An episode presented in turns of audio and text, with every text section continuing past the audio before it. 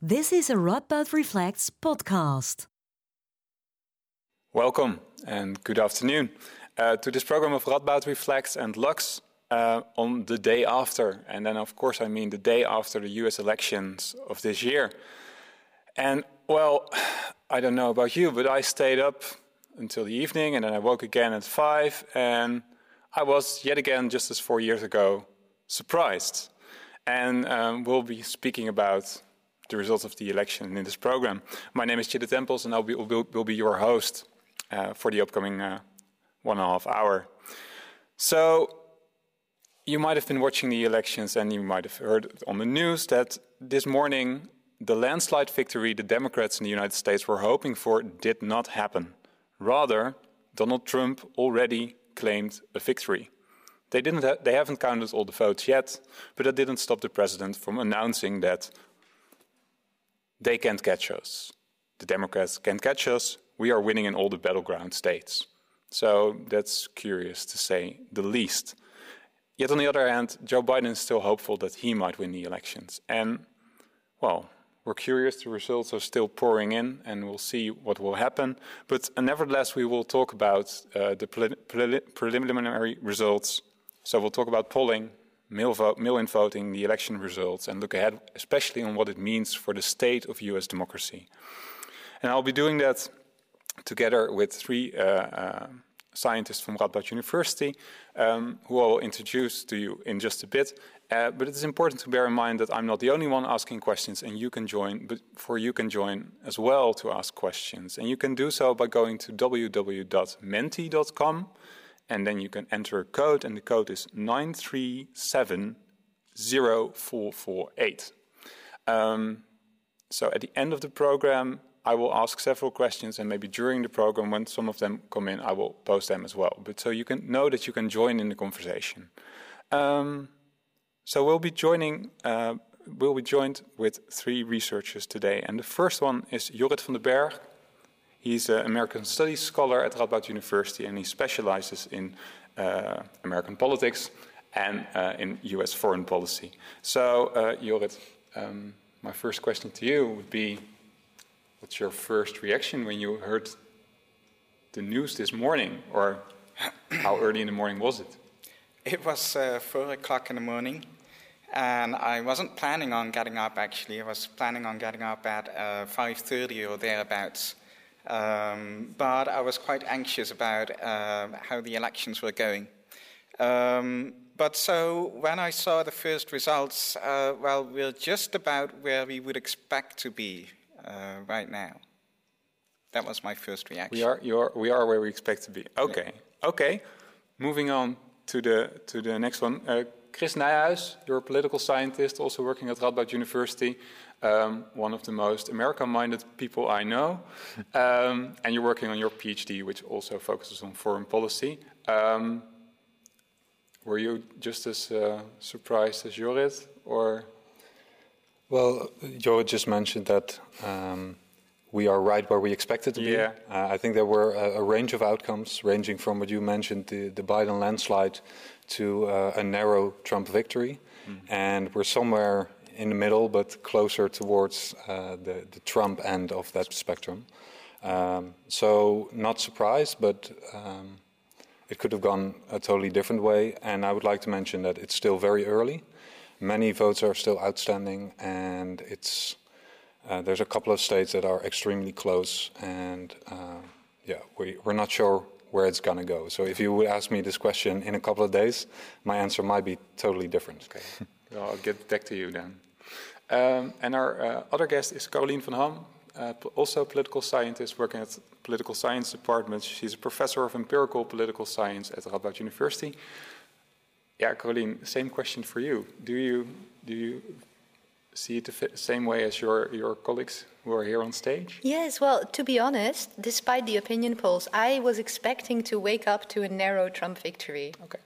And so this is turning out to be. I knew it was going to be a close race, but it's turning out to be a lot closer than I than I thought. Mm. Yeah. Okay, so maybe it's good to dive into that because when I was looking at the polls these days, I was looking at 538, and they said, well, there is a, I believe yesterday there was a 90% chance of Biden winning these elections. Of course, so these are polls, but we, tend to put some faith in them or put some trust in them. So how are, are, are, are these polls just no good? So how can we explain this, this sudden, or well, not sudden, but this, well, apparently very different outcome? Well, with 538, you have to study uh, the calculations very closely um, because uh, they sometimes depend on margins of 1 or 2% in key states like Pennsylvania. Uh, and 1 or 2% uh, difference in uh, the polling, that's within the margin of error mm-hmm. of most polls. Um, so, in that sense, you, you could ask the question of why do they predict a 90% win for Biden with such close races in key states? Yeah. Chris? Yeah, so my point would be that um, polling is really difficult um, because essentially what you're trying to do is you're uh, making an estimate of an estimate. Uh, what you're doing is you're uh, trying to reconstruct what the electorate might look like. Mm-hmm. who are the people that will vote this election? And that could be uh, different from four years ago, two years ago, or uh, four years from now. so that's the first decision that pollers have to make. And then they have to um, make sure that the sample that they take from this electorate is representative for what they expect. Yeah. And um, so basically, they're making a number of assumptions and they're relying on people to answer their questions. And even in most uh, highly rated pollsters, the response rate is only 3 or 4 percent. So there's uh, 96% of people that don't even want to take part in the poll. Um, this is to indicate how difficult the job of a pollster is. Yeah. So, so could it also mean that so if people are not willing to partake in the poll, that that skews your outcome in a different direction then? That's one of the hypotheses. Uh, another is that uh, that they're simply making a a, um, a different calculation on what the electorate will look like, as to opposed to what the electorate ended up looking like. Yeah. So, for instance, there could be more uh, young people or less young people voting. There could be more uh, people from a certain race uh, voting. So there's there's a lot of different uh, factors that go into polling, which makes it very very interesting and very difficult. Very difficult. Yeah. yeah. Okay. So maybe it's also good to to zoom out a bit because I'm straight diving into these polls, but maybe maybe the proper question is what's happening. So wh- why? Um, yeah. So so the polls were hinting towards a, Biden win. We're now might be seeing a Trump win. So what's going on? What what is? We've been seeing these people on stage, but what's the clash really about? So, why are people still eager to vote for Trump, maybe? Colleen? Yeah, I still wanted to add something to mm. the to the polling, not yeah, to sure. not to get stuck on that point, but um, I think the critique on pollsters, even though it is a difficult job, is nevertheless justified because they they very much undersample Trump voters, and uh, the key thing is also that polls have a mobilizing effect. So if a couple of days before the election you start saying that Biden is almost certain to win, that has a really mm. strong mobilizing effect on Trump voters. So you're influencing the elections in a way which is why I think, yeah, um, you know, looking critically at the role of pollsters as well in, in, in these elections is, is justified. Um, what this election is about? Well, of course, COVID, yeah. the economy, Trump's foreign policy, I would say, and a mix of those, and his cultural and his cultural agenda. Jorrit, you're nodding heavily. What's that? You're nodding heavily. Uh, yeah, I, I, I, think so too. Well, uh, foreign policy, I'm not too sure. I, I don't think that that played as big of a role in mm. some of the, the last couple of elections.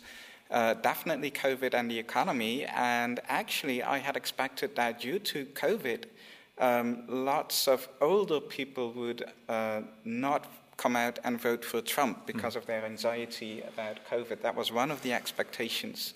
Um, I don't know where we stand um, with, with older voters, but um, that was one of my expectations. Uh, social relations or, or, or cultural, uh, the, the, culture war is definitely also a very important theme. Mm-hmm.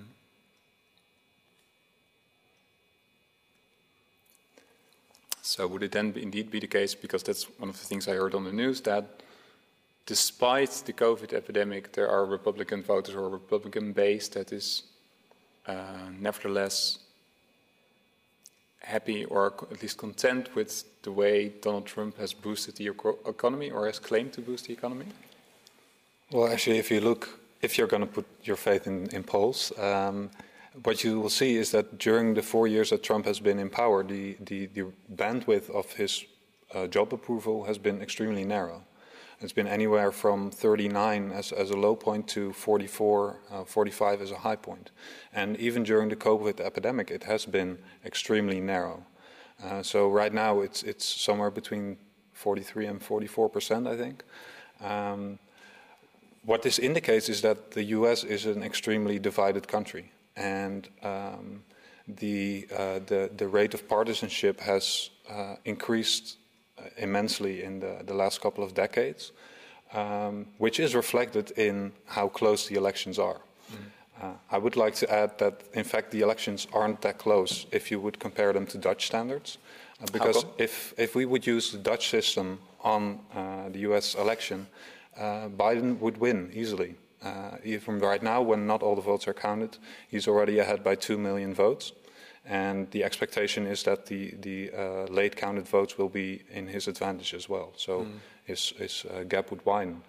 Um, the way the American system is set up, um, you are um, automatically get a different outcome. Uh, and this is, this is uh, borne out by the last few elections in which a number of times uh, the Rep- Republican candidate has become president, even though the Democratic candidate has gotten more votes uh, nationally. Yeah. I, I, agree and disagree with that. Um, I agree that due to the, the, the locality of voting, uh, there's somewhat of an advantage to uh, Republicans also in the Senate. Uh, what I'm skeptical about is that if you would change the system, that you would still get the same outcome, so that you would still get 2 million plus votes for Biden. Mm. If you change the system, you change uh, strategic choices that voters make. So we don't know what would happen if you change the system. Mm. Uh, so that's the part that I'm a little bit more skeptical about.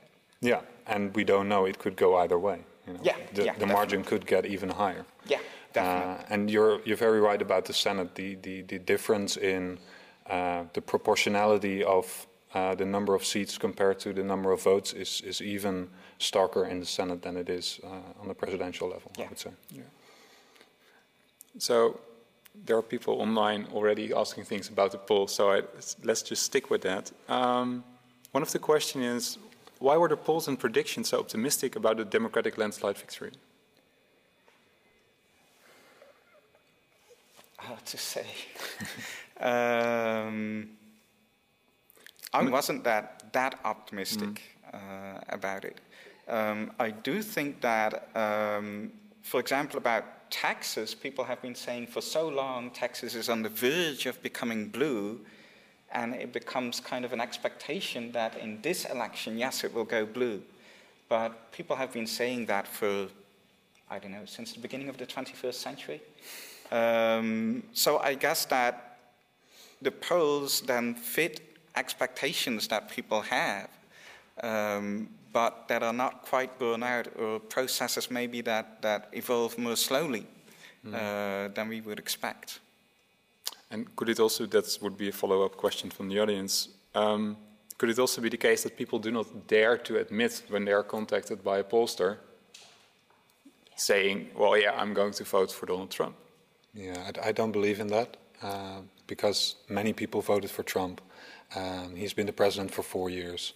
Um, uh, you, we've all seen the images of, of how extremely vocal and, and present uh, his, his supporters are. So, so I don't believe in that hypothesis. Mm-hmm. What I do believe is what, what Caroline mentioned is that uh, somehow pollsters don't reach these voters. Uh, so uh, what I think they got right is the, the extreme enthusiasm on the Democratic side. Uh, they managed to get a lot of their voters out. Uh, many people voted for Biden more than did for Clinton but somehow they, they didn't fully appreciate the uh, increase in turnout for Trump. Okay. Yeah. Well, well, they did say this year that um, the polling had been improved uh, to reflect, uh, you know, to, to improve the bias that existed four years ago. Will take some time to figure out what has gone wrong. If, if it has gone wrong, we don't know yet, right? Yeah. If it has gone wrong. Yeah, it's possible that in some states the, the margins will, will narrow and the polls might not be as wrong as they, they may appear now. Um, what's also good to mention is that the, the polling error is different in different states. Yeah. So it, it, looks quite clear that uh, Florida has, has, a quite large uh, polling error this year. Uh, but for instance, in North Carolina or Georgia, uh, the polling error isn't that large, mm. even though they're neighboring states. So that's something uh, of a puzzle, and we'll have to uh, take some time to figure that out. Yeah, yeah. So um, moving on.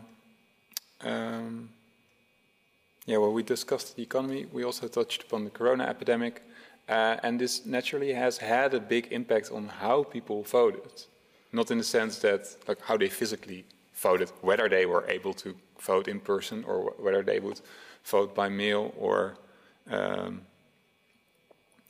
I always struggle with the difference between mail-in voting and absentee voting. Maybe someone can explain that to me. Oh. It depends on the state and depends on the state, rules, right? So it, it's okay. not that. Well, uh, let's just focus on mail-in voting then. So, um, and Trump in his in his in his speech this afternoon stressed again that they were already preparing for this big party, and then all the voting suddenly stopped. Results didn't come in anymore. And it was, of course, or he, he hinted that this could be fraud. So, uh, Caroline, you've been researching election fraud for a longer time now. Um, how plausible is this? Or maybe even the bigger question might be where does the, U- does the US have a history of voting fraud, or maybe not so? Where does the country stand uh, as such?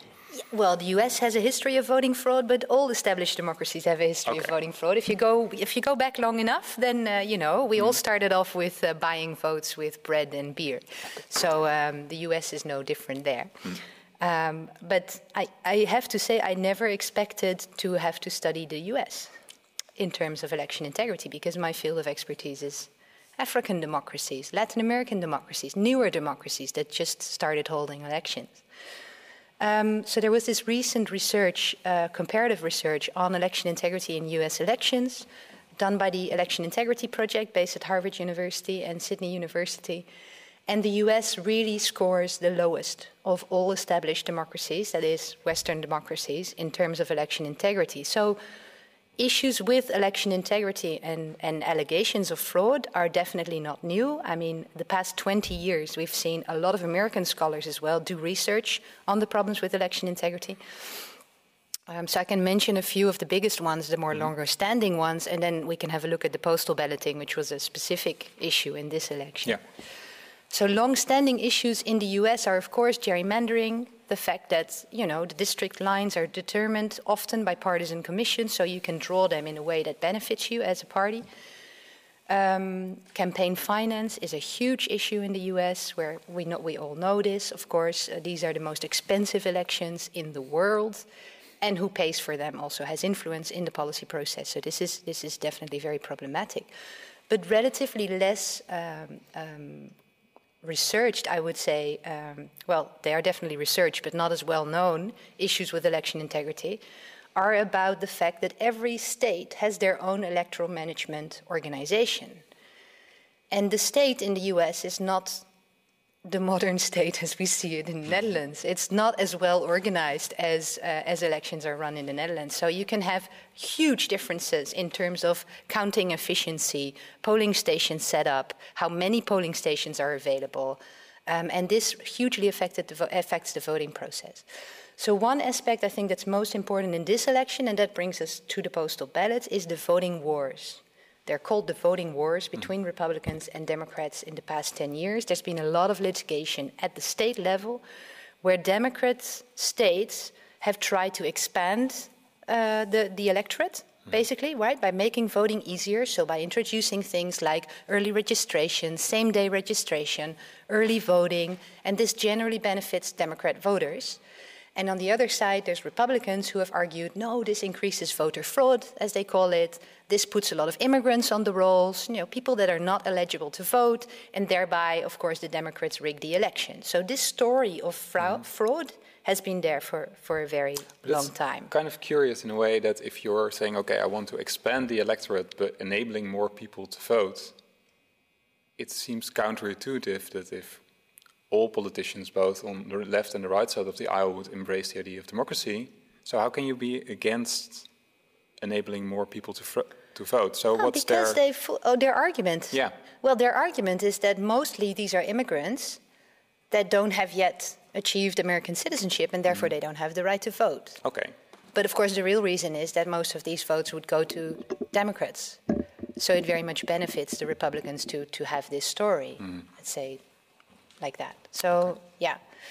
Um, so you can see also in a, in a couple of states that are Republican that these possibilities for early voting have been limited, that they've made concerted, like specific efforts to limit the electoral roll. So I can give you an example of Florida, where after a long legal battle, finally ex-felons, so people who went to prison, were allowed to vote again once they came out. Yeah. Then, about four weeks before the election, all of a sudden the state governor allowed, uh, announced that, uh, well, yeah, they're now allowed to vote, but they do have to pay their outstanding fines. Before they were before they, allowed to vote. Yes, but the administration system in Florida is so crappy that many people don't even know how much they owe. And if you're a poor black voter, you're not going to check, you're just not going to vote, right? So then celebrities came forward, like James LeBron, this famous basketball player, and other celebrities, and offered to pay the fine so that people could go. But you can see this is really, really an, a targeted effort at trying to limit, uh, well, not have those people vote, basically. Mm. And then, of course, in the recent election, we have the postal ballots, and there's been a lot of issues about that. And there, I have to say, the Republicans do have a point, sadly. So, elaborate. so of course, with yeah. Corona, you have to do postal ballots. It makes total sense. People that are that are older, that are vulnerable, uh, they need to be able to to vote by mail. And in a couple of states, this has been done for, for a long time. So they've got a well developed system, basically, where they can also track when someone has sent off their ballot. So they know when votes go missing that they are actually missing. This is really important, right? So you can't have a mailman just hide a couple of bags of votes. No. Uh, you need to be able to track those. And so this is well organized. But there's another problem with postal ballots, which we're going to see in the elections in the Netherlands as well, and we're going to have to face this issue, which is mm that the secrecy of the vote is no longer guaranteed. No. And this is a problem in itself. So this is something, and this is not something the Republicans say as a problem, right? The Republicans rather suggest that ballots can go missing, um, and also have a partisan agenda there. Mm-hmm. Um, but, but yeah, protection of ballot secrecy is super important, and postal balloting allows people to put under other people under pressure. So if you have very yeah. tight knit communities, there's evidence from the UK that vote buying and voter intimidation actually occurred um, you, making use of postal ballots. Yeah. So, yeah, it's tricky. I would like to um, push back a little uh, yeah. on, on, your claim that the Republicans have a, have a good point about the fraud uh, in, in mail-in balloting. Um, the Republicans under Trump actually established a commission that uh, audited uh, tens of millions of ballots mm-hmm. in, in uh, recent elections, and they identified nine cases of voter fraud. So the claim uh, that Republicans make that it's going to influence the election, that there is widespread mail-in voter fraud, uh, is yeah. simply not borne out by the evidence that they themselves yeah. were looking for. Uh, so I think that's important to mention. Uh, one of the other things that I would like to add is that um, one of the other issues regarding the access to vote is um, the closure of polling locations. Um, we in the Netherlands are used to uh, to going to our polling location. Uh, maybe there are five people in front of you in the line, and within 10 minutes you voted and you're you're going back home or back to work. Uh, in the US, there are many uh, instances where people have to wait three hours, six hours, nine hours in line to vote. And where are these lines the longest? Uh, these lines are the longest in um, urban areas, in large city centers where minority voters live. Um, this is not a coincidence. Uh, and it, has uh, an influence on suppressing the vote. Uh, if, if you know that it's going to be hard for you to vote, uh, if you know that um, you might not be able to get off work to vote, or that if you get off work you don't have enough income, uh, if it's just half an hour, you can manage. But if it's hours and hours, you're going to think twice about it. Mm-hmm. So I think that's an important issue to mention.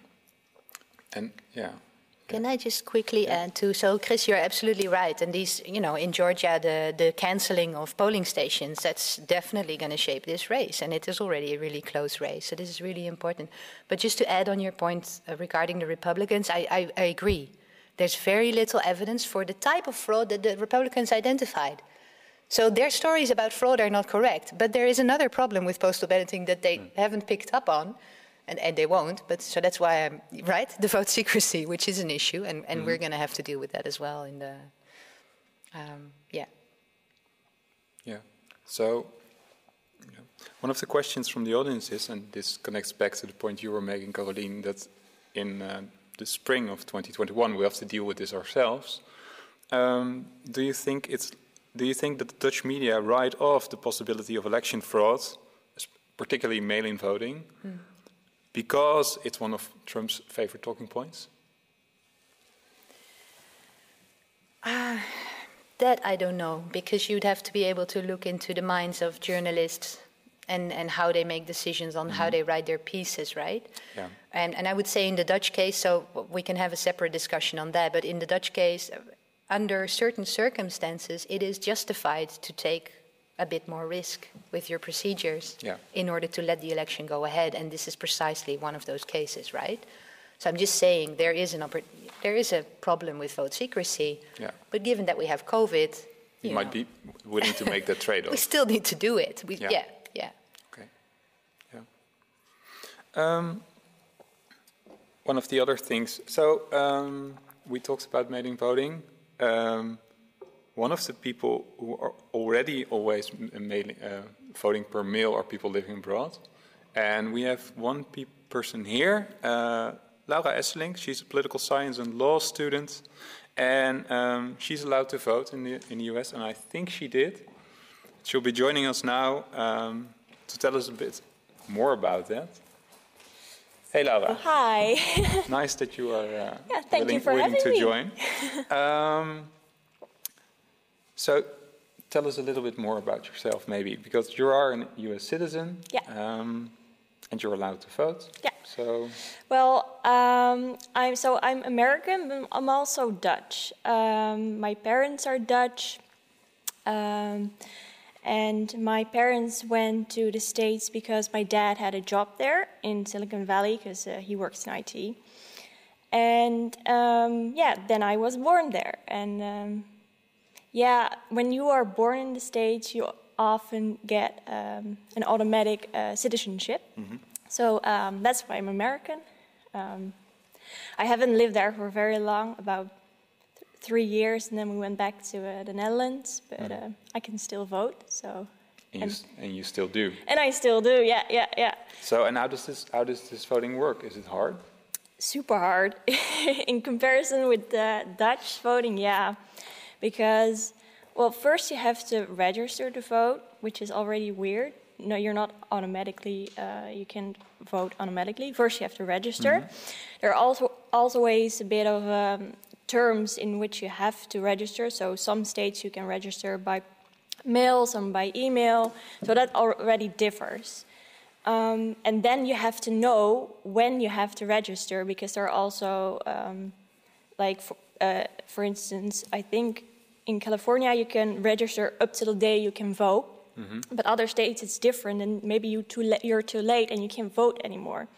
So first you have to do that, and well, because well, I'm voting abroad, which is also a bit well difficult. Uh, first you have to get your ballot, um, and you can't email it, so you have to mail it, or you have to fax it. and faxing, yeah. Um, so I don't have a fax machine to my no. disposal. Who still does? That's the question. Yeah, exactly. So um, mailing was actually my only option, and um, well, there was a bit of a discussion if um, mailing would work because mm-hmm. there was some news about. Um, uh, it not working very properly, so there was a question if your ballot was going to arrive. But I thought, yeah, well, I have to vote anyway, so mm-hmm. I just mailed it. And um, the good thing is you can really check on this site, at least in California, you can check on this site if your ballot has arrived. And if it has not arrived, you can question the office in uh, the dis- district that you vote if uh, you can have another ballot or something else could be arranged. So mm-hmm. that's good, but it is not easy. It's no. way easier to vote here in the Netherlands. And so I'm curious. Um, so you're allowed to vote, mm-hmm. but you, well, you're, you're not living there. Yeah. Haven't been living there for a long time. Mm-hmm. Yeah, um, yeah. So maybe the question is, why do you still vote? And are there certain, and if so, mm-hmm. are there certain topics that you think like, well, I have to give mm-hmm. my opinion or I have to vote on that? Mm-hmm. Well, I I do. I, I still feel American, even though I'm more Dutch than American. I still feel American, so I still feel a bit responsible. And well, if I can make a change, I will try to do it. And especially as a law student, I think it's very big responsibility on you to vote. So um, that's why I feel big responsibility to vote. But well, especially in the state where I'm from, California, my vote it doesn't really mean that much. How come? Um, it's a very blue state. Um, I'm also a registered Democrat, um, so my my vote doesn't really matter that much, uh, or at least they make yeah it, it, feels like it doesn't really matter that much. So um, that does make it less. You get less incentive to vote that mm. way. but yeah. but, you, but you've done it nonetheless. Yeah, yeah, yeah, I did it nonetheless. Yeah, yeah. yeah. And are there are there particular because you're allowed to vote for the presidential elections. Mm-hmm. Are you allowed to vote on every level? Yeah, I think so. Uh, I voted, well, first time I voted was in 2016 for the presidential, and then again for, I think, something else. And, well, in the presidential election, you always have like the primary and then national. Mm-hmm. So first you have to vote for the primary and then national. So, yeah, on every, every level. And when you vote, um, you don't only vote for like the president you also vote for certain boards uh, board of education mm. for instance and there's also a couple of um, propositions they're called yeah. um, and um, well they just say uh, they want to do something for instance they want to give uh, uh, five million to research on I don't know cancer or something, and you have to vote on that. So it's not just voting on people; it's also voting on uh, prepositions. Mm-hmm. And um, so, yeah. so, so to that to that extent, I mean, we're, we're, we're sometimes critical of the U.S. electoral system when we talk about the first past the post system. But to me, it seems what you're now describing mm-hmm. seems fairly democratic. I mean, if you can can cast your vote on so many levels, that's more than we're allowed to do here, I think. Yeah, that's true in, in some sense. Yeah. That is true in some sense, and um, I mean, there's no perfect democracy, right? Um, doesn't mean that we have to accept all the faults that a single democracy has, but uh, the, the, Dutch system has its faults too. Hmm. But so, so, the, so, these propositions, there was one particular one you, we talked about earlier. Yeah. What was that one about? Yeah, because it was about yeah. Uh, uh, platform workers, uh, especially in California. This is a big proposition about platform work. Uh, last, well, year or a couple of years ago, they introduced a new law about platform work, and uh, these workers they had to they became official workers, which means they got they got more rights. Um, platform workers are workers, for instance, they work for Uber um, and other deliver mm. uh, companies. And um, well, they you if you um, classify them as in independent, they don't really have a lot of rights. And now they had a law um, which gave them rights um, because they got classified as worker.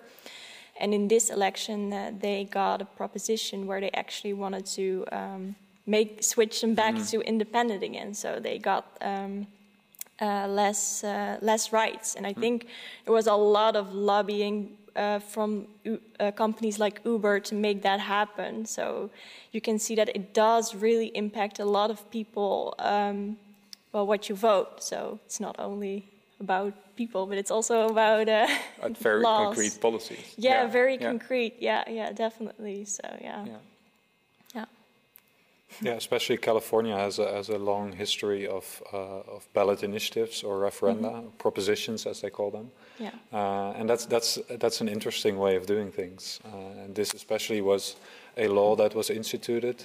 Uh, and now um, yeah, there's the opportunity to reverse it. Um, basically, these, the people uh, were qu- classified as independent contractors or ZZP'ers in, uh, in the Dutch uh, uh, context. Um, and now the, the, the, voters have the opportunity to uh, roll that back. Mm-hmm. what you mentioned is, is, very true. The, the, this effort is bankrolled by these big companies. And I looked it up, and apparently they have uh, sponsored this effort for 190 million dollars, yeah. which is incredible. Uh, which is uh, more than three times the amount that uh, the, the, most expensive Senate race uh, uh, costs um, for, for one candidate. And the other side of, of the equation that wanted to keep their, their rights as, as full employees uh, which means they have right to health care, they have right to uh, unemployment benefits, stuff like that. Um, uh, they can't get uh, booted out of their job uh, as easy as they would be as an independent contractor. That effort was sponsored by um, labor unions, and they mustered up around 19 million, so one tenth of the budget. Mm-hmm. so I think this is a perfect example of what Caroline mentioned, that the impact of, of big money in US politics, unfortunately. Yeah, because it, it, it also raises, it seems to broaden the scope of what corporations or these platforms are able to do, because prior you might be able to maybe fund a candidate or fund a particular party, but now this is active involvement in, in policies. Or is, it, or is this not something novel? Active involvement in policies? Yeah, yeah. Well, no, of no, course, there's lobbying, but, yeah. but now it's it's more out in the open in a way. Yeah, this case I think is especially important for Uber because they're afraid that this will, of course, uh, uh, pass on to other countries, right? So they're trying to maintain their, their position, and that's why they're willing to spend so much money. But um, no, I, yeah, I just think this is one where you see it clearly, but mm. that level of policy influences um, in every decision that Congress makes, basically. Okay. It's not, not a new turning point in how firms operate in politics then. Um, let's see. There are a couple of questions coming in. Um, yeah. Okay. So one is um, Donald Trump is often blamed for dividing the United States. But to what extent is Trump really the one to blame? Is he the dividing figure or is he just a product of an already divided country? Both. Both. yeah. Okay. Uh, I mean, as uh, as you mentioned earlier, this polarization has been has been going on for decades. Uh, you can trace it back to Watergate, the Vietnam War, you know, back to the 1960s. Um, and well, Trump has been very successful at, at making it worse. Um, but but so he's he's both a product of um, this culture and this way of doing politics, and a catalyzer of of uh, polarization. Yeah, definitely. I mean, Trump actively flames, uh, uh, fans the flames. Mm-hmm. Uh, he he throws oil, oil on the fire, or many different uh, ways of saying that. But um, yeah, I think you're very very correct, and I would like to add that in some sense, the, the system itself fosters uh, this, um, uh, this division. If there's only one winner and one loser, mm-hmm. uh, and it's winner take all, I know uh, in in the 2016 elections, uh, the electoral votes of three states were decided by only 70,000 votes. Um, in a country of uh, 300 million people, um, th this this uh, the, this means that the the outcome is very black and white. It's either red or blue. Mm -hmm. So uh, this means that the, the camps will automatically become more polarized. Yeah. And you actually see this in, uh, in American discourse that um, um, a lot of it is about winning or losing and not so much about the actual policies that the candidates do have. Yeah. And are very uh, consequential. Yeah, that's true but, because, but still there are other parties participating. I mean, you have the Green Party. I think the Libertarian Party is still on the roll, uh, mm-hmm. but they simply do not service because of the system, or. Yeah. Yeah, I mean, uh, because of this system, it doesn't make sense to participate as a small country. Uh, I'm sorry, as a small party, hmm. unless you expect that on the very, very, very long term, uh, you know, you, you, you might become one of the dominant parties, or one of the dominant parties adopts you and your uh, your points, your platform. Mm. Uh, but other than that, the way the system is designed stimulates um, a two-party system. There's no law that says there have to be two parties. That's just a consequence of how the system is designed. Yeah. Yeah. So, Laura, that brings me back to you for a final question, maybe. I mean, you're, you're one of the few person who's who's allowed to is one of the person who is allowed to vote in both these systems. Mm -hmm. Is there a particular one you prefer? Yeah, I think the Dutch one I do prefer. Um, it's hard to say because I grew up here, so I don't know. I think you favor the thing uh, in in the state you grow grow up. So. Mm. I think it's hard, but I see a lot of negatives in, in the American um, system from my point of view. Uh, like you said, with with the with the money throwing and I don't know, and just if you look at the candidates, the way they debate, and it's not about what's uh, it's about mud throwing. It's not about what's important, um, like the points they are making. It's a uh, an against Trump vote. If you vote for Biden, nobody really knows what he stands for. Um, it's really it's divided, and I don't know. I could see like a civil war or something like that happening because it's just so divided. So yeah, I don't um, I don't really like this system at all. so yeah. Okay. Well, maybe there's hope for change. We'll be touching upon that as well. So thank you for yeah. joining us. I'm very happy that you're here, and um, okay, we'll continue the conversation.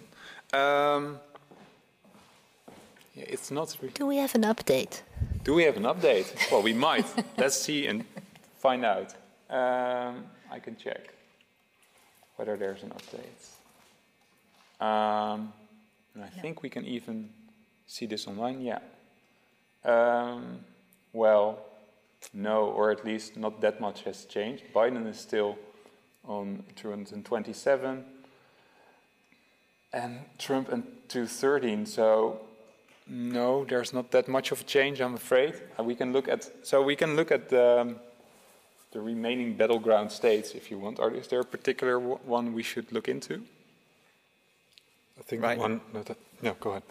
Oh, right now, at this particular moment, I would say Wisconsin but I was going to say the same okay. thing. Yeah, same thing. Okay. The other one that's extremely interesting is Georgia, but I, I think they're only going to start counting again tomorrow. Mm. Uh, whereas in Wisconsin, they're going to count through the night, I believe. Yeah. So, um, why are why were you both so vehemently arguing that we look at Wisconsin? What's particular about this state?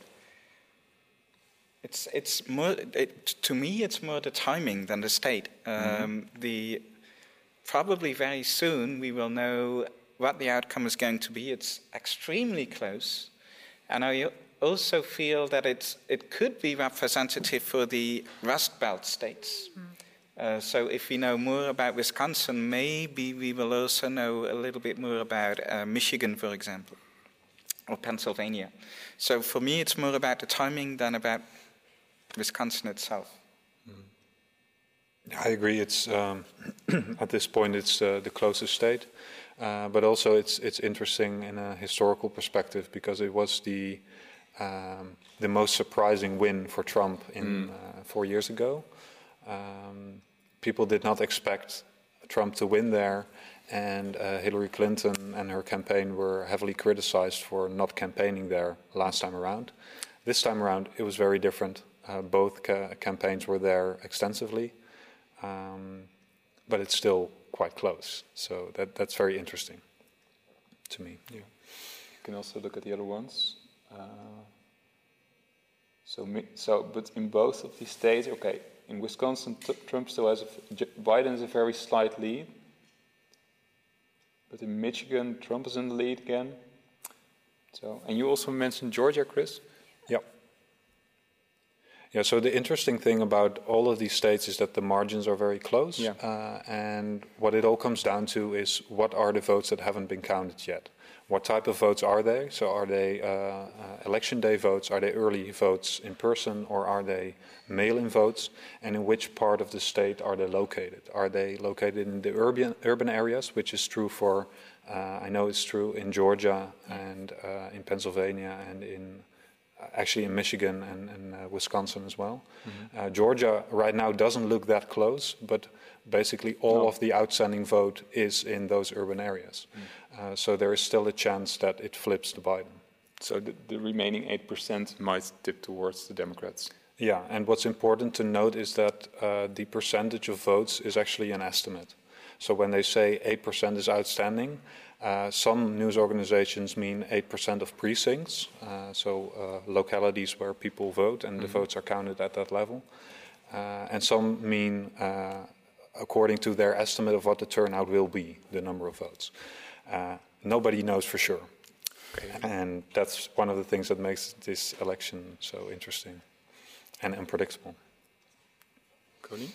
Yeah, I agree. And I think uh, what also makes this election, of course, to, to return to the postal ballots, is mm-hmm. that in some states, uh, postal ballots can only be counted still when they arrived on election day. In other states, they can be still counted up until a week after the election. So for some states, we're going to have to wait a really long time. Um, North Carolina is one example uh, mm-hmm. where we're probably going to be waiting for the results for quite some days still to come in. And is there, is because Trump was talking in his speech about okay, we're going to the Supreme Court to to address this these cases of fraud. I'm not sure what he meant by that, but does does this, this for instance, imply that he would say, okay, we're going to uh, I'm going to the court to find some kind of tipping off point. So, okay, now, now we're not going to vote, and these votes will not be counted anymore? I think that's, that's what he meant. So, the Supreme Court has done five decisions leading up to the elections that related to electoral procedures. Mm-hmm. And interestingly, none of them were motivated by election integrity because the Supreme Court holds that states should decide their electoral procedures. So they were motivated, most decisions were motivated by that. Mm-hmm. And so that meant in Georgia, they stuck with the decision of the state to only count ballots up until the day of the election. Um, and in North Carolina, they, they decided to stick with the state that they could be counted up until the 12th of November, I think. Uh, so that's going to be a long time. But in Pennsylvania, for example, they, the court had two decisions and they can be explained a little bit contradictory. So there is an opportunity for litigation if, if Pennsylvania is close. And if Trump could win there, then he could take that as an opportunity to say, to, to start another case, basically. Mm. Yeah. And would that be, would, could Pennsylvania then become what Florida was during the Bush Jr. Al Gore uh, uh, struggle? Yeah, that depends where the tally stands at yeah. at that point, yeah, okay. right? Yeah. So if tomorrow we know Georgia, we're going to know a lot more already, I think. Um, yeah. Yeah, and it's important to note that um, there's basically no sound legal argument uh, for, especially the case in Pennsylvania, where uh, the Trump campaign is arguing that they should just stop counting. Uh, on the, the day of the election. There's no precedent for that. There's no legal basis mm. for it. Uh, but the fact that they are trying uh, is motivated by the fact that uh, at this point, uh, the Republicans have a 6 3 advantage on the Supreme Court, um, five of which are extremely conservative, three of which have been appointed by President Trump. Yeah. Um, and basically, they're giving it a shot.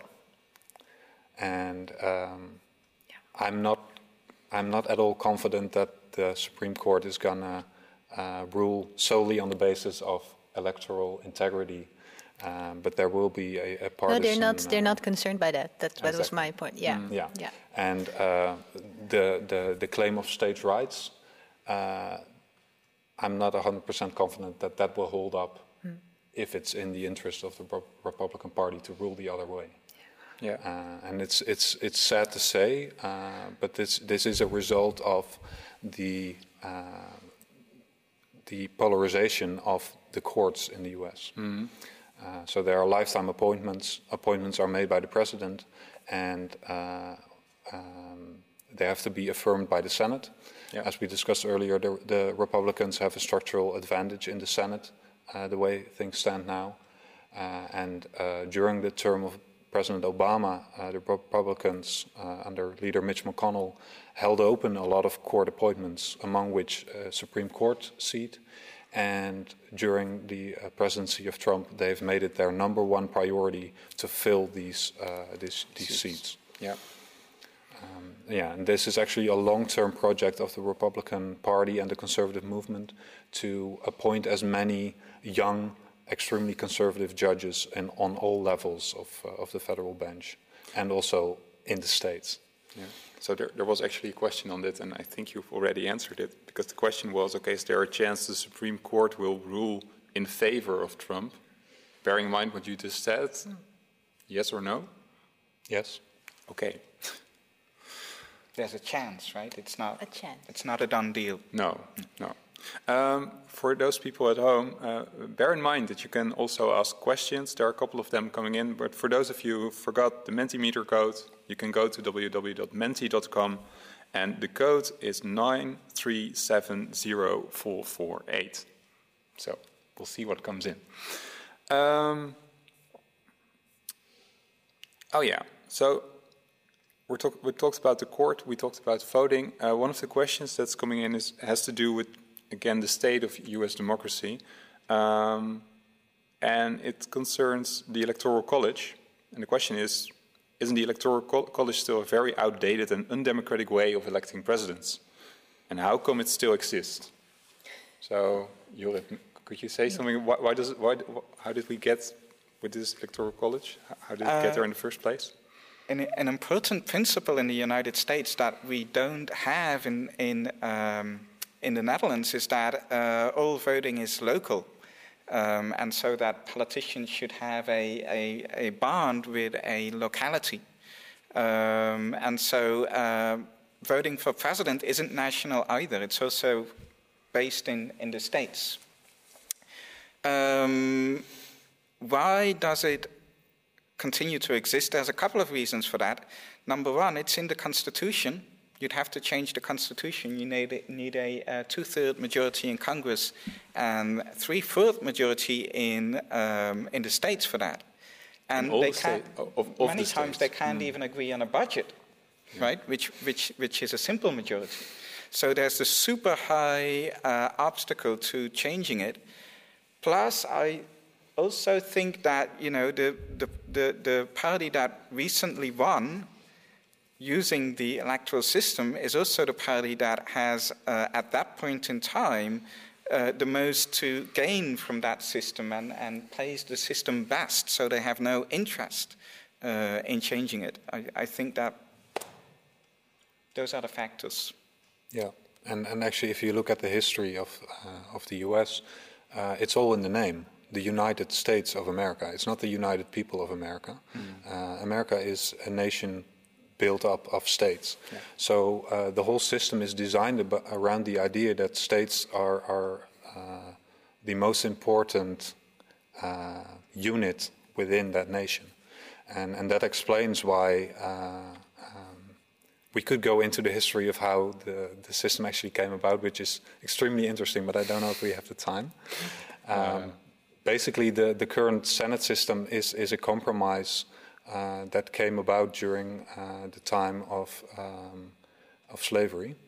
And uh, it was a um, it was basically a, a deal. Uh, so the, the, the, smaller states, the rural states, got the two senators each. All states actually have two senators each. So Kamala Harris, who is the senator from California, uh, represents with her colleague 40 million people, and the two senators from Wyoming represent uh, around 600,000 people. Uh, they each have the same number of votes in the Senate.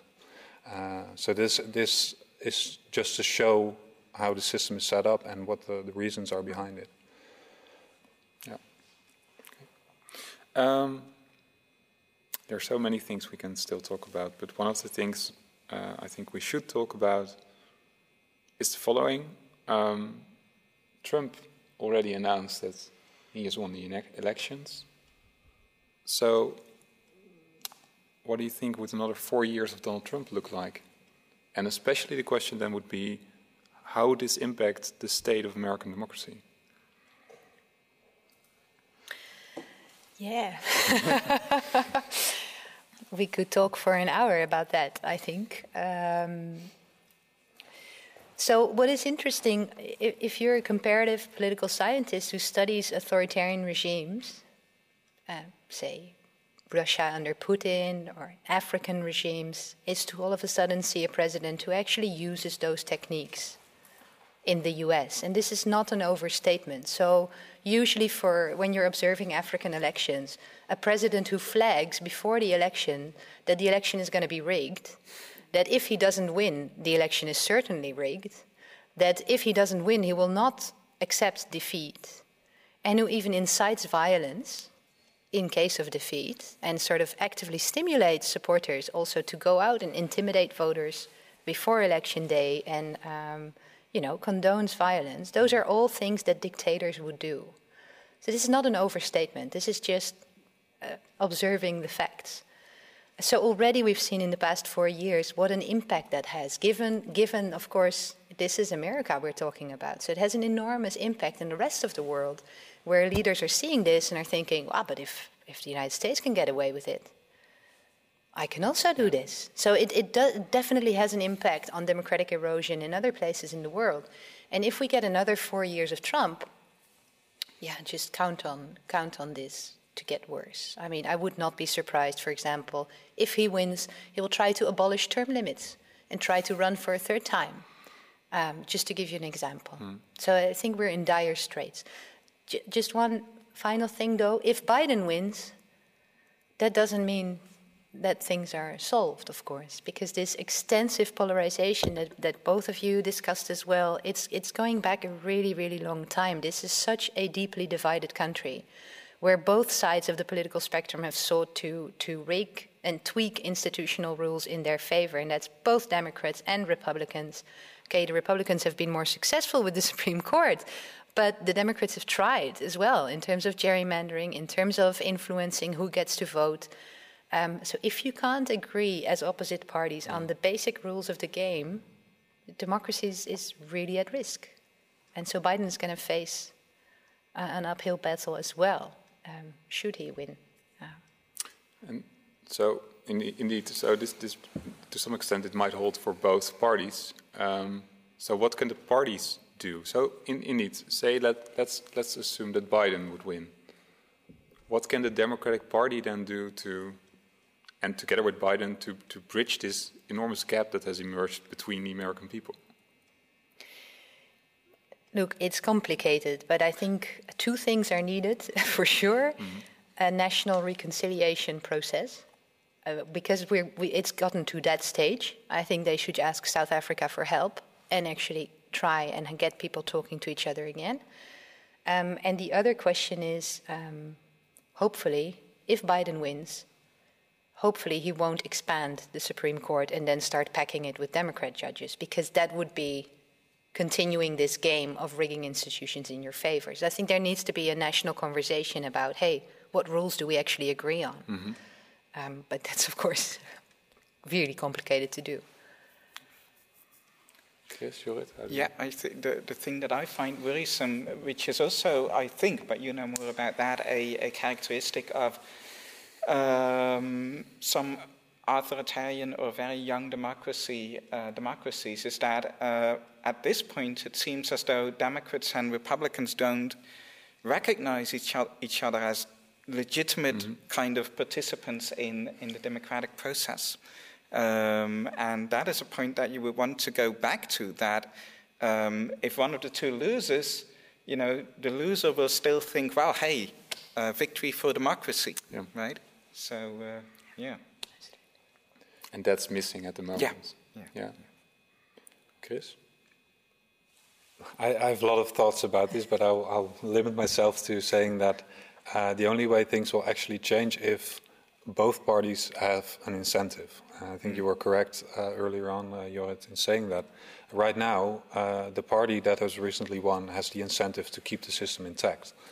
Um, because of the way the, the results look now, uh, there's a, a, big chance that the Republicans are going to be in control of many of uh, the local uh, parliaments, the state parliaments, which means that they control the rules of the elections for the for the, the, the coming cycle. They will also control the redistricting process in many states. Redistricting uh, is done every 10 years based on the, the outcome of the census. Uh, and this is the year that, um, well, is, is crucial um, for the next 10 years of, of uh, voting districts. So um, the hope of, of uh, many pro-democracy groups was that uh, there was going to be a democratic landslide, uh, because regardless of uh, both parties sharing a lot of the blame historically uh, in the, the, the past, the, the, the, recent history, the Republican Party has been much more aggressive about uh, change, changing the system in their um, in their advantage. Uh, as you mentioned earlier, the Democrats have an incentive to expand the electorate, to expand um, the access to voting. Uh, and if they would have won uh, many of those races, they would have had the chance to fix something. Uh, and actually, uh, Virginia, which is has recently become a blue state, has passed a referendum on a um, an independent commission to do the redistricting for them. If that hadn't passed, the Democrats would have had total control over the uh, over the system. But the voters actually chose to uh, hand that over to an independent commission. Um, unfortunately, there's a chance that it will end up in uh, the Virginia Supreme Court. It's a long story, uh, which is controlled by Republicans. Um, so, actually, one of the issues that Biden will have if he wins, uh, which there's still a chance, um, is that the, the Senate is most likely to remain in Republican hands. Mm-hmm. Um, this means that there will be divided government. Uh, Senate is in charge of, among other things, judicial appointments. Uh, but also, if you want to change anything, uh, if we're talking about substance, substantive issues, you're going to need approval of both the House and the Senate. Um, the Republicans during the second term of Obama, uh, and actually during the first term of Obama, had the, uh, the stated objective to make sure that Obama didn't win anything, that he couldn't pass mm-hmm. anything it's very likely that they will have a similar uh, strategy with Biden. So I'm, I'm not at all optimistic about uh, things to be done at the federal level, and uh, things that can be done at the state level depend on the outcomes of the, of the state elections. Yeah. Yeah, so, so even if Biden would win, you would fear that we have the situation again, that there, there's this gridlock or deadlock within Congress. Yeah, and, and actually, I think you can expect in, in uh, especially many of the, the southern states that the, um, the restrictions on voting will become even stricter. Um, because North Carolina and uh, Georgia have now become competitive on the elect uh, on the presidential level, mm-hmm. I expect that the Republicans will try even harder to disenfranchise um, Democratic voters and especially minority voters. So I'm, I'm very pessimistic about that. Uh, and this is not even talking about other substantive issues uh, no. outside of uh, the impact on democracy. Yeah. So um, there's a question on foreign policy. So one of the questions is And it's not so much about US foreign policy, but rather how other countries respond to the United States. And one of the questions is how should we interpret the silence of Western democratic nations when a US president proclaims stop counting votes per mail, um, stop counting votes per mail? And the question is then, is this undermining democratic institutions? So these are two questions, but I would be interested to know the first part. So how do other how will other nations respond? Should other nations respond to this? Well, that's a huge question that uh, might go to a philosopher, I think. Yeah, that's uh, the philosopher asking the question, maybe. I, uh, I think that um, the, the president of the United States is, represents the United States, but is, is not the same thing, right? Uh, I mean, ultimately, a alliance between democracies is an alliance between people. Um, but still, uh, I think that um, that Europe should be concerned about uh, the direction that U.S. foreign policy is taken, but uh, n- not only because of this issue. yeah, so many European countries have, an, have a history of uh, reminding other countries uh, of their, their democratic duty and their democratic institutions. Uh, recent examples uh, in, include um, Belarus or uh, um, Tanzania. actually, the US State Department has criticized Tanzania, the Tanzanian president, for basically saying the same things that Donald Trump is saying right now. Uh, it's yeah, different standards. Irony is dead, some people would say. um, but then uh, there's also a, a um, kind of norm that you do not interfere with other countries' elections, mm-hmm. which uh, many democratic nations espouse. Um, and then again, uh, the United States is an important ally, is a very powerful country, and that matters as well for um, the type of steps that other countries will take towards them. Um, so uh, I don't know about you, Jorrit, but I'm not surprised that uh, European nations have not spoken up. Also, just to add, I think also because the results are not there yet, no. um, and also there is an electoral observation mission from the OSCE there. So, if they are smart, they will wait for the results of that of that mission and the report of that mission mm-hmm. um, before reacting, basically. Yeah. So that's one of the questions that touches upon this. Um, this person raised the question: Do you think that in the case of a Biden win, let's keep that in our mind as well. Um, the longer wait for results will legitimize any claim by Trump of election fraud and or fuel subs- subsequent challenge to the official results. So the longer we wait, the more likely Trump will lash out or respond. I agree. Yeah. Personally. Yeah, no, I agree, and that's of course perfect strategy to to the longer the insecurity lasts, the more chances there are that you know armed people will go to the streets, and then uh, that will further legitimize Trump to say, "Well, now the courts really have to make a decision and step in because look what's happening." Um, even though he probably just stimulated that violence to begin with, but yeah, more uncertainty is definitely in Trump's favor. Yeah, it will make it more likely, but not more true. Right. Yeah. No. Yeah. Um, Yeah. Oh, yeah. So I can tie together these two questions. Um, so there's one question.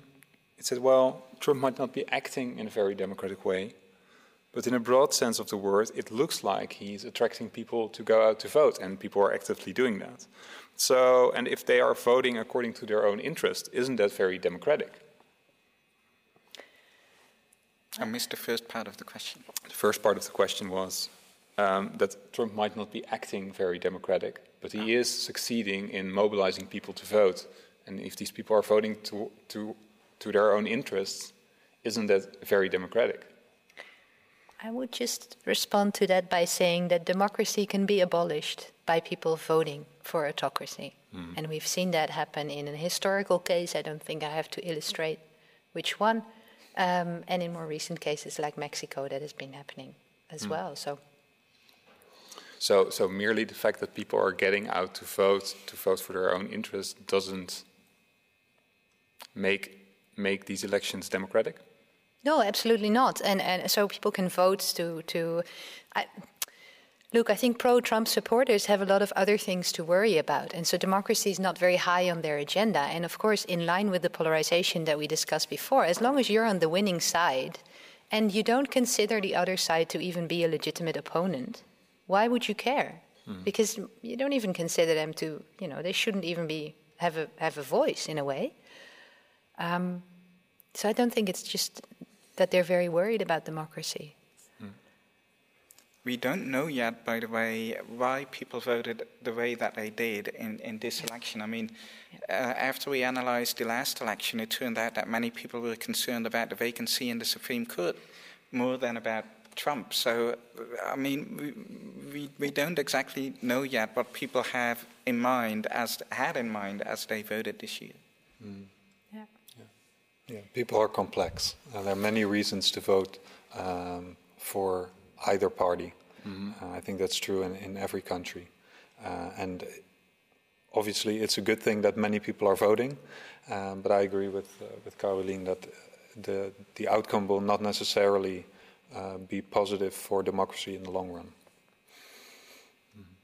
There's one final thing I would, or one of the final things I want to draw upon is the parties. Um, so let's say that Joe Biden wins the elections. What, or maybe, maybe okay, I'm going to rephrase this more in general. What do these, these outcomes imply for the Republican Party? I mean, what's still le- left of the grand old party, given that there has also been a lot of opposition with, from within the Republican Party targeting Trump. So, how should they deal with these results? How do you expect them to I think that um, eight years ago now, uh, the Republican Party did a major internal investigation. It was called the Autopsy Report. Uh, because it was after a major loss in midterm elections, right? Mm-hmm. Um, no, presidential, presidential elections. Um, and I think that their conclusion still hold. Their conclusion was that um, the, the demographic trends in the United States favored the Democratic Party.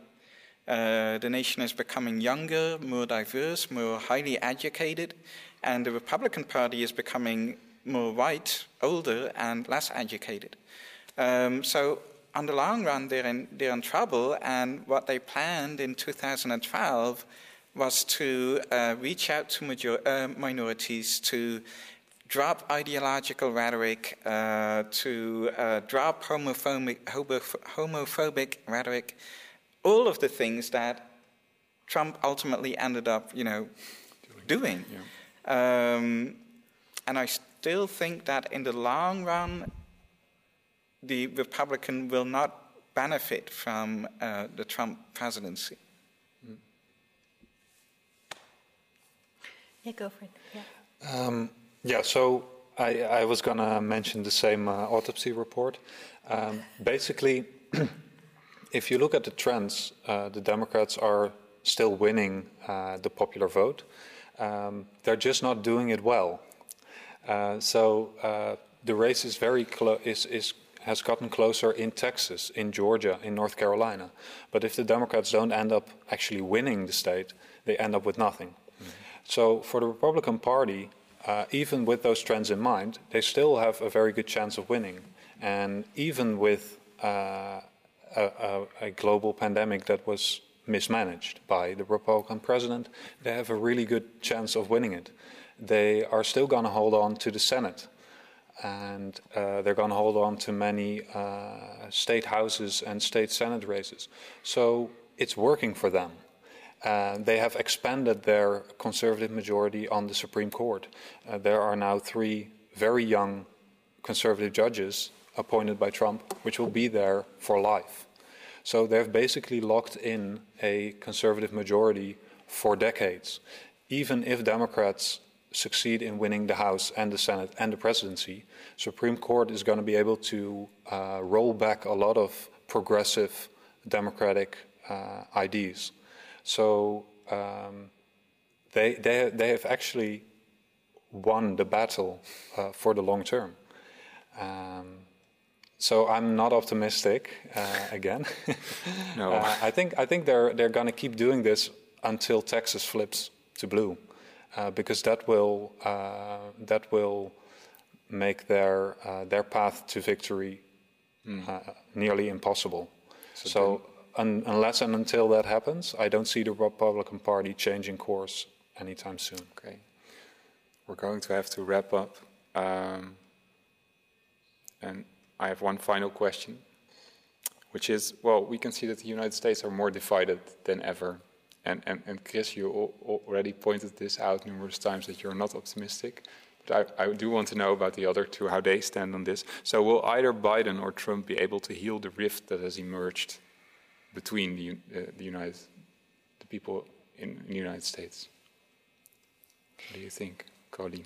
I think no. No. But fortunately, a democracy does not just depend on one president. It depends on the people that are involved, on the parties that are active within it. And, and the one positive thing that I do see in the past four years is increased mobilization on all sides um, of citizens, of, of, uh, of MPs that care about their country and are trying to change it. And of course, the changes that need to happen in the US are a lot bigger than fixing their democracy, because we haven't even spoken about the level of inequality that neither of these presidents can, uh, can fix.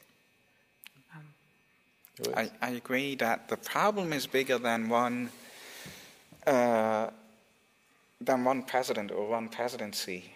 Um, but uh, democracy is also bigger than one election uh, or than one presidency. So uh, I'm hopeful about the uh, future. I think that um, American democracy has survived a lot of crises and has shown quite some resilience um, throughout war, throughout all kinds of crises. So uh, I'm optimistic. Okay. I do have one optimistic note to end on. Uh, Shoot. Uh, and that's related to your point about uh, mobilization. Uh, there are many people that are being mobilized not just in the, the um, partisan political frame, but also uh, regarding issues. Uh, so uh, the, the movement around uh, civil rights, around women rights, LGBT rights, um, healthcare. there are many, many incredible organizations that are, do, that are doing a lot of work to improve the lives of people. Uh, regardless of the political situation. So uh, that's one thing that is uh, is good to see. Okay, so still careful, optimistic note somewhere there. Okay, we're going to have to leave it at that. Um, so I thank you all for being here. I want to thank Laura sitting over there, Caroline, Chris, Jorrit. Thank you very much for being here and shedding a light on these on these preliminary election results. We will see how things will pan out and um, I think it needed this hopeful message that democracy is bigger than just one election. Um, for you people at home, thank you very much for watching. Um, our next live stream is uh, next Monday, uh, uh, on November 9th, with philosopher Simon Gusman on um, uh, the meaning of life in the uh, series Rick and Morty. Um, I thank you for watching, and I wish you all a very good afternoon, and see you next time at Radboud Reflects.